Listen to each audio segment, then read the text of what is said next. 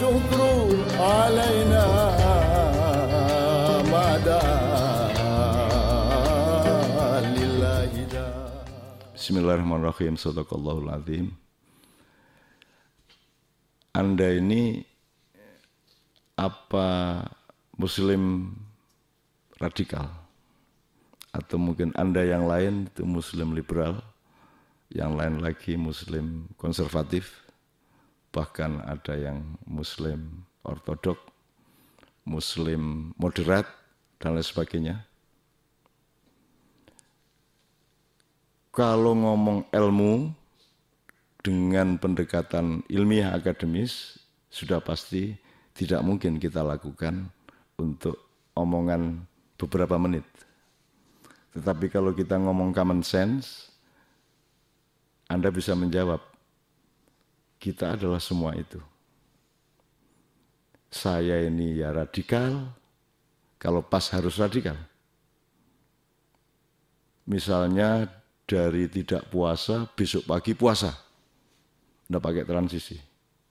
Tidak makan, total. Tidak minum, total. Itu sangat radikal. Atau dari Anda punya kemungkinan untuk mencintai seribu wanita, Anda secara radikal memilih satu wanita untuk Anda nikahi. Itu sangat radikal. Dan banyak sekali keputusan-keputusan radikal dalam hidup kita. Tapi kita juga Muslim liberal. Kita adalah orang yang dianjurkan, bahkan mungkin diwajibkan Allah untuk berijtihad, untuk berpikir merdeka, untuk mencari sesuatu yang baru, untuk mengeksplorasi interpretasi dan penafsiran-penafsiran. Kita memiliki kemerdekaan berpikir, meskipun nanti kita tahu bahwa kemerdekaan itu bukan demi kemerdekaan itu sendiri tetapi untuk supaya menemukan batas yang tepat dari keputusan-keputusan hidup kita. Kalau kita kembali ke soal puasa tadi, puasa pun harus Anda akhiri pada maghrib. Anda tidak dianjurkan dan tidak menjadi lebih hebat kalau Anda puasa sampai subuh berikutnya. Jadi kita mengambil keputusan dengan batas-batas. Kawin juga begitu. Tidak mentang-mentang Anda berpikir merdeka terus Anda kawin 10 sekaligus. Akan jebol sendiri Anda nanti. Kebebasan dengan radikalitas itu bergabung di dalam keputusan untuk kawin atau nikah. Kita juga muslim moderat. Ketika berada pada posisi, situasi, dan perilaku yang memang mengharuskan kita moderat. Misalnya kalau sholat lima waktu tidak bisa moderat, Sholat lima waktu itu ya fundamentalis, tegas. Subuh dua rakaat, duhur empat rakaat, dan seterusnya. Puasa ya Ramadan, dan itu fundamental. Gitu. Tapi kan hidup tidak hanya fundamen. Rumah kan tidak bisa hanya pandeminya toh.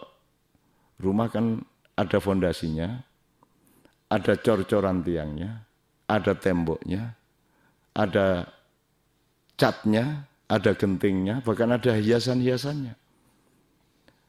Sebagaimana badan Anda, ada yang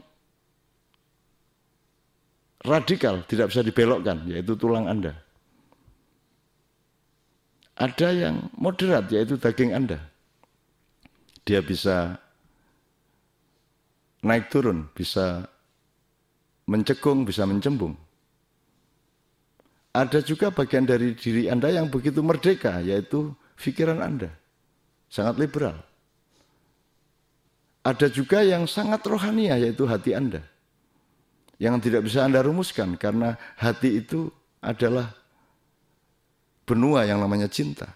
Dan cinta itu jangan sekali-sekali merumuskannya di dalam padatan-padatan kalimat. Karena puncak dari segala sesuatu yang bisa mencapai Allah adalah cinta. Konservatif, Anda juga muslim konservatif. Anda tidak mungkin menjadi suami liberal. Meskipun Anda berpikiran liberal, tapi sebagai suami Anda harus konservatif, harus ortodok. Enggak bisa terus Anda menjadi suami yang demokratis, yang membiarkan istri Anda tidur dengan tetangga-tetangga, Dan Anda sendiri juga ganti-ganti kunci di hotel untuk saling bertukar istri, bertukar suami. Jadi teman-teman sekalian, mohon kita jangan terjebak oleh tipu daya tipu daya terminologi seperti itu. Jadi tidak ada Muslim liberal tok, Muslim radikal tok, Muslim moderat tok.